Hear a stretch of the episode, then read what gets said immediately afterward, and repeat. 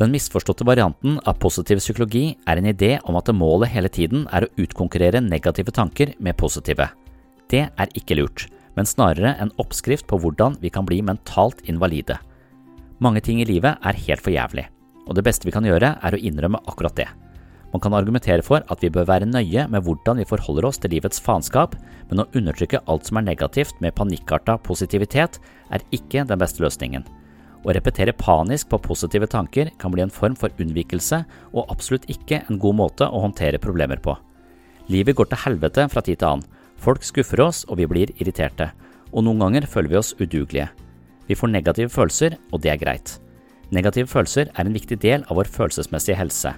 Å nekte for det er å sementere livets utfordringer snarere enn å løse problemene våre.